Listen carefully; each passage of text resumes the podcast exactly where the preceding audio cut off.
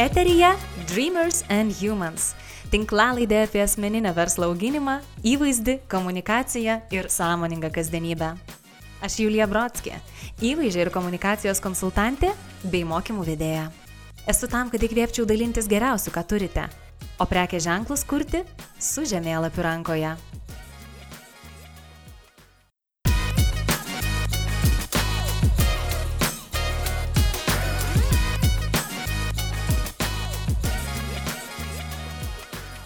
Sveiki! Dėkoju, kad įsijungėte šią tinklalaidę. Ją įrašinėjau jau Lietuvoje, Klaipėdoje, laikinuose savo namuose ant Danės upės kranto. Grįždama iš Alpių praeitą savaitę, jau automobilyje rengiausi epizodui apie prekės ženklus ir jų identitetą. Tačiau situacijai pasaulyje per savaitę apsivertus aukštyn kojom, šią temą palikau ateičiai. O šiandien kalbėsiu vieną aktualiausių temų šiame ypatingame laikotarpyje. Šią savaitę iš namų dirbti pradėjo net tie, kurie to visai neplanavo, kuriuos galbūt visai džiugino ir ofisas, ir kolegos, ir aiškios darbo valandos. Tad visi vienokiu arba kitokiu būdu tapome virtuvinių, miegamųjų ar svetainių ofisų kolegomis. Susimaščiau, kad gali nutikti ir taip, kad kurį laiką dirbantis iš namų pajus tokio gyvenimo skonį ir natūraliai nebenorės grįžti į buvusius darbus. O gal ir ne. Manau, tai puikia proga pasižiūrėti ir išsibandyti, o kaip būtų. Visgi, jei sugalvosite keisti gyvenimo būdą ir tapti nepriklausomi, klausykitės toliau. O galbūt jūs jau kurį laiką siekiate dirbti savo, kurti asmeninį prekės ženklą, ištrūkti iš samdomo darbo ir tapti nepriklausomų darbuotojų. Šiandien pasigilinsime, kas jūsų laukia. Praversime duris į freelancerio namus.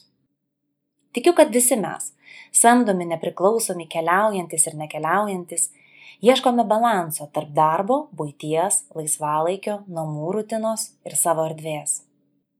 Ruoždamasi šiam įrašui, sužinojau, kad daugiausia freelanceriais arba laisvai samdomais save darbuotojais, vadinančių šiuo metu darbuojasi Junktinėse Amerikos valstijose, Junktinėje karalystėje, Brazilijoje. Amerikiečiai teigia, kad net apie 3 procentus jų darbo liaudės apima būtent laisvai samdomi darbuotojai. Šis skaičius žinoma toliau auga ir ne tik todėl, kad dirbti galima iš bet kurios pasaulio vietos, bet dar ir todėl, kad freelanceris pats renkasi klientus, projektus, darbo valandas ir sąlygas. Teigiama, kad freelanceriai yra produktyvesni, laimingesni už samdomus darbuotojus ir turi gerokai daugiau kokybiško laiko su artimaisiais. Kokiuose sritise dažniausiai veikia šie žmonės? Konsultavimas, grafinis dizainas, socialinis marketingas, turinio kūrimas, rašymas, vertimai, IT projektai ir daugelis kitų. Beje, pasaulyje sparčiai populiarėja ne tik freelancinimas, tačiau ir darbas iš namų. Organizuojamas dalinis darbas namuose, kuomet namuose liekama vienai, dviem, galbūt netgi trim dienom, o visą likusį laiką dirbama ofise. Tai leidžia sutaupyti darbuotojams laiko, darbdaviams kaštų, sumažina kamščius bei žinoma oro taršą. Jau esu pasakojusi jums, kad prieš keliarius metus atradusi, kad egzistuoja toks dalykas kaip nepriklausomi darbuotojai, galintys keliauti, gyventi prie jūros ir išvengti mano taip nemėgstamų ofiso drabužių, įvairiausių taisyklių, aš tokiu gyvenimo būdu susižavėjau ir pradėjau jo siekti. Laisvai samdama esu daugiau nei dviejus metus. Na ir per juos man aišku pavyko pamatyti visas tokio gyvenimo pusės. Šiandien ruoždamasi šitam įrašui išsigryninau apie 10 freelancerio gyvenimo lydinčių ypatybių. Žinot, labai patiko tai, kad kaip bevartysi, jos visos turi savo privalumų ir trūkumų. Taigi, Klausome. Visi tie, kurie svajoja apie tokį gyvenimą, visi tie, kurie buvo priversti kurį laiką pagyventi ir padirbėti namuose, ir visi tie, kurie galbūt jau senų senovėje, kaip ir aš, mėgaujasi tokio gyvenimo būdu, tačiau ieško būdų kiekvieną dieną, kaip galima būtų jį padaryti efektyvesnį, produktyvesnį ir jaustis tiesiog laimingesniais. Pirmas dalykas, kuris visą laiką labai labai masina apie freelancerio gyvenimo būdą, tai yra laisvė dirbti tiek, kiek nori, kada nori ir iš kur nori. Tačiau žiūrėkime, kas šitoje vietoje iš tikrųjų įvyksta, ypatingai pačioje pradžioje.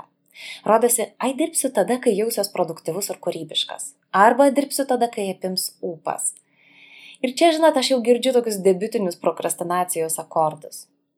Juk mūsų niekas nekontroliuoja. Už nugaros nestovi viršininkai, vadybininkai, su klientu galbūt net nesame gyvai matėsi. Žodžiu, mūsų apima visuotinė laisvė. Bet pastebėjau, kad taip toli nenuvažiuosime. Žinot, yra netgi toks juokelis, kad net menininkai šitaip nebedirba. Jie planuojasi savo darbo valandas ir savo įkvėpimo minutės. Esmė tokia. Darbas iš namų reikalauja nemažai savidisciplinos, įdirbio, režimo, sistemos ir vidinių taisyklių. Žinoma, jeigu norime būti pelningi ir sėkmingi. Kaip mes to pasiekiame? Norint produktyviai dirbti, jausti gyvenimo balansą ir atskirti, kur yra mano namai, kur ofisas, reikia įdėti pastangų ir tiesiog planuotis šituos dalykus į priekį. Kitaip grėsia perdegimas ir galbūt netgi neapykanta viskam. Jeigu dirbsime be jokios sistemos ir režimo, bus sunku sekti rezultatus. Aš dalinuosi savo rutina, režimu, tai, ką taikau jau keliari metai ir tikiuosi, kad kažką iš šitų dalykų galbūt prisitaikysite ir jūs. Taigi visų pirma, sekmadienį arba pirmadienį susirašau savaitės tikslus ir terminus. Savaitės tikslus esu linkusi suskaidyti dienomis, tuomet žinau, ką kiekvieną dieną reikėtų padaryti ir ką reikėtų pasiekti per savaitę. Kitaip tariant, kalendorius, darbaknygė ir toliau yra geriausi draugai ir kolegos. Be to, savaitė yra skirstoma į darbo dienas ir laisvadienius. Pastebėjau, kad man visgi paprasčiausia yra likti prie įprasto grafiko, kuomet pirmadienis, penktadienis yra darbo dienos, o savaitgalį yra laisvadieniai. Tiesiog taip paprašiau derinti laisvalaikį su kitais žmonėmis, plus patinka toks bendras visuomenės vaibas. Tai yra pakankamai sunku dirbti, kai sekmadienį visi vaikšto po parkus ir sunku nedirbti, kai išaušta darbingas pirmadienio rytas. Toliau. Dienos darbai planuojami iš vakaro. Iš vakaro preliminariai pasiskaičiuoju, ką rytoj reikės padaryti ir kiek kiekviena užduotis galėtų užimti laiko. Tokiu būdu ryte atsikėlus yra viskas aišku. Yra aišku, ką reikės šiandien padaryti ir nebereikia gaišti laiko ties planavimu tos dienos darbų. Aš asmeniškai laikausi gana griežto dienos režimo. Septynias dienas per savaitę keliuosi šeštą, 6.30 ir einu miegoti apie 10 val. Tiesą sakant, pastebėjau, kad mane išmuša iš vėžių, kuomet savaitgaliais yra iš jo iškrypstama. Jeigu nutinka ilgesni savaitgalio vakarai ir lėtesni savaitgalio rytai, pirmadienis nebėra tokia smagi ir įkvepianti diena. Nusprendžiau, kad man netinka toks dalykas, todėl visas septynias dienas ir ištisus metus laikausi vieno ir to paties režimo, tiesiog taip yra žymiai paprasčiau asmeniškai man. Svarbiausius ir sunkiausius darbus darau nuo 8 iki 12 ryte. Tai yra tuo met, kai protas yra aktyviausias, aštriausias, geriausiai veikia. Visi visi svarbiausi ir sunkiausi darbai yra padaromi dar iki pietų.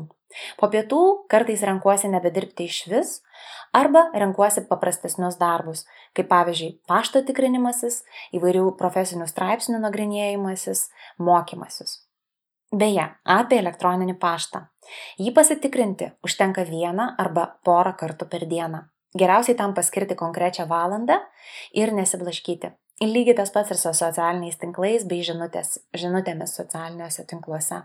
Visą laiką dirbame, išjungę visus su darbu nesusijusius langus, telefono garsą, įspėjimus.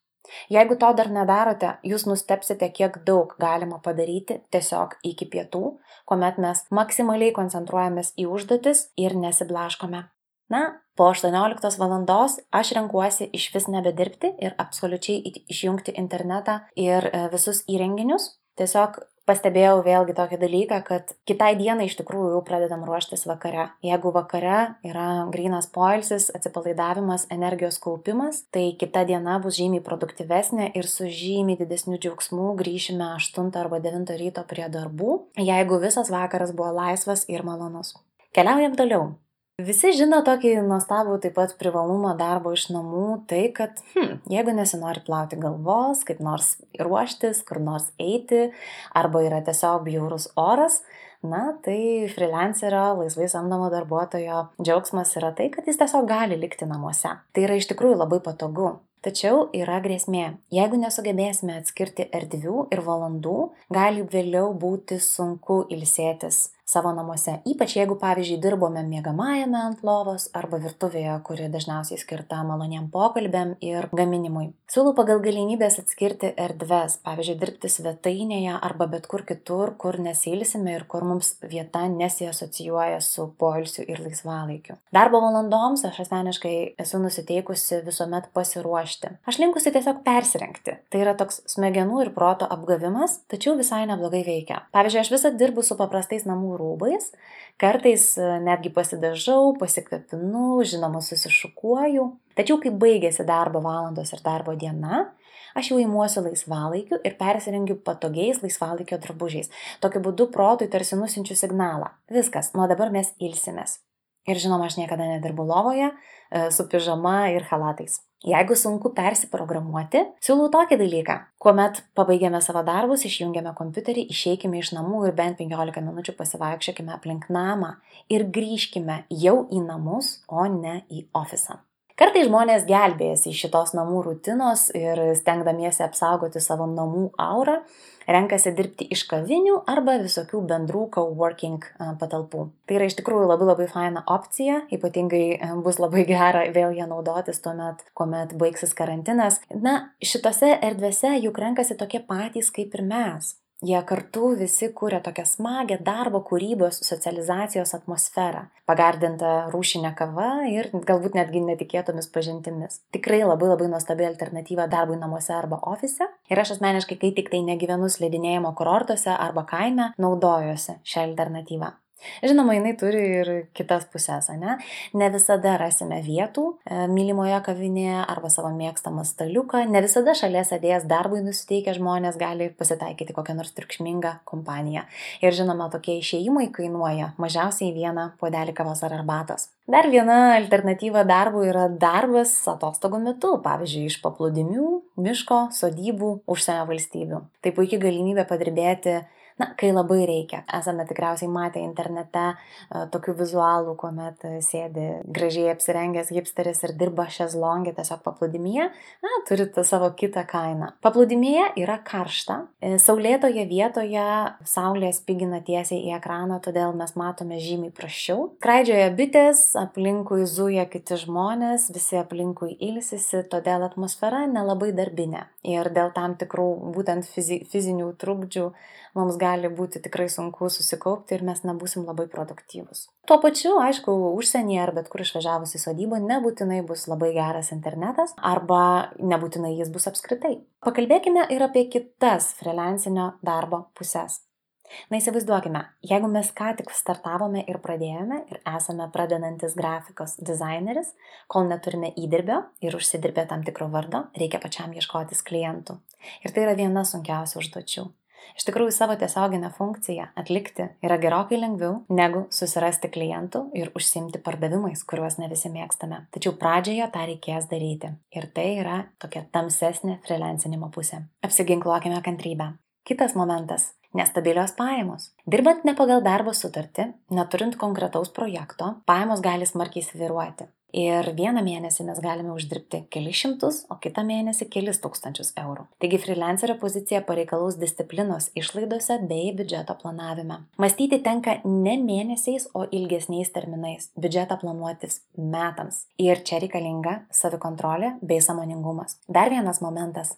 Frilansinime mažiau galimybių komandiniam darbui ir kolektyviniai motivacijai. Ši pozicija, žinoma, tobula yra intravertams. Aš smarkiai patyriau šį nepatogumą, gyvendamas slidinėjimo kurortuose arba miestų periferijose ir kadangi nesu intravertė, tad žmonių man kartais pritrūksta. Stebėkite, kaip yra jums ir jeigu turite poreikį vis dėlto bendrauti su žmonėmis, teks ieškoti būdų vis dėlto kartais išnešti save į visuomenę ir susitikti su kitais žmonėmis. Ši pozicija taip pat moko to, kad e, reikia išmokti sakyti ne. Būna visai. Gali būti, kad staiga pasipils užsakymai, ypatingai tose profesijose kurioms yra būdingas sezoniškumas. Turėkime omeny, bus laikas, kai užsakymai tiesiog mūsų užpuls, o bus laikas, kai jų bus mažiau. Dar vienas dalykas, kai kuriems žmonėms vis dar atrodo, kad, ai, mes freelanceriai tai nieko neveikiame. Arba esame visą laiką laisvi ir galime tiesiog apsimti visokius staigius, smulkius darbus, padaryti visokias paslaugėlės. Žmonės labiau linkia peržengti ribas, prašydami paslaugų, kuomet jos yra prašomos iš laisvai samdomų darbuotojų. Teks išmokti sakyti ne apsibriežti ribas ir tartis dėl terminų. Na ir jeigu mums aktualu, turėkime omeny, freelancerio pozicija nėra platus pasirinkimas įvairioms karjeros laiptų galimybėms. Jeigu mes norime užimti ateityje aukštas pareigas, galbūt netem pataikime. Nebent susikursime savo verslą, tapsime jo vadovais, bet iš esmės freelanceriai dažniausiai dirba siauroje srityje ir taip ir lieka tiesiog nuostabus, geri specialistai. Aš tikiuosi, kad man pavyko nupiešti gyvą ir aiškiau suvokiamą freelancerio ar dirbančio iš namų darbuotojo vaizdą. Tiems, kurie iš namų dirbame priverstinai, linkiu aiškiai iškomunikuoti su šeima, nusistatyti taisyklės, ribas ir daug, daug, daug kalbėtis, ieškoti būdų, kad visiems būtų gerai.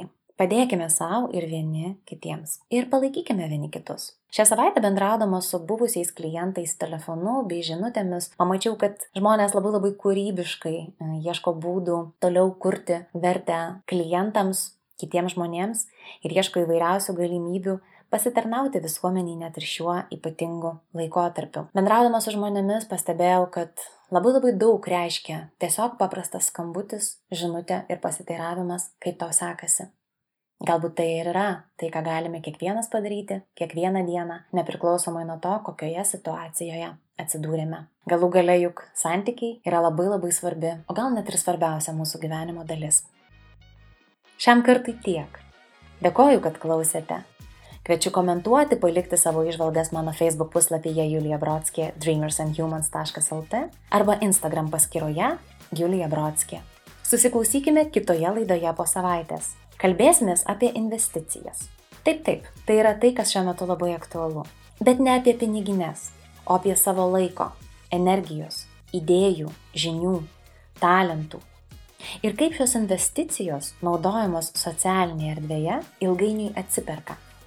Galbūt dabar pats geriausias laikas pagalvoti būtent apie jas.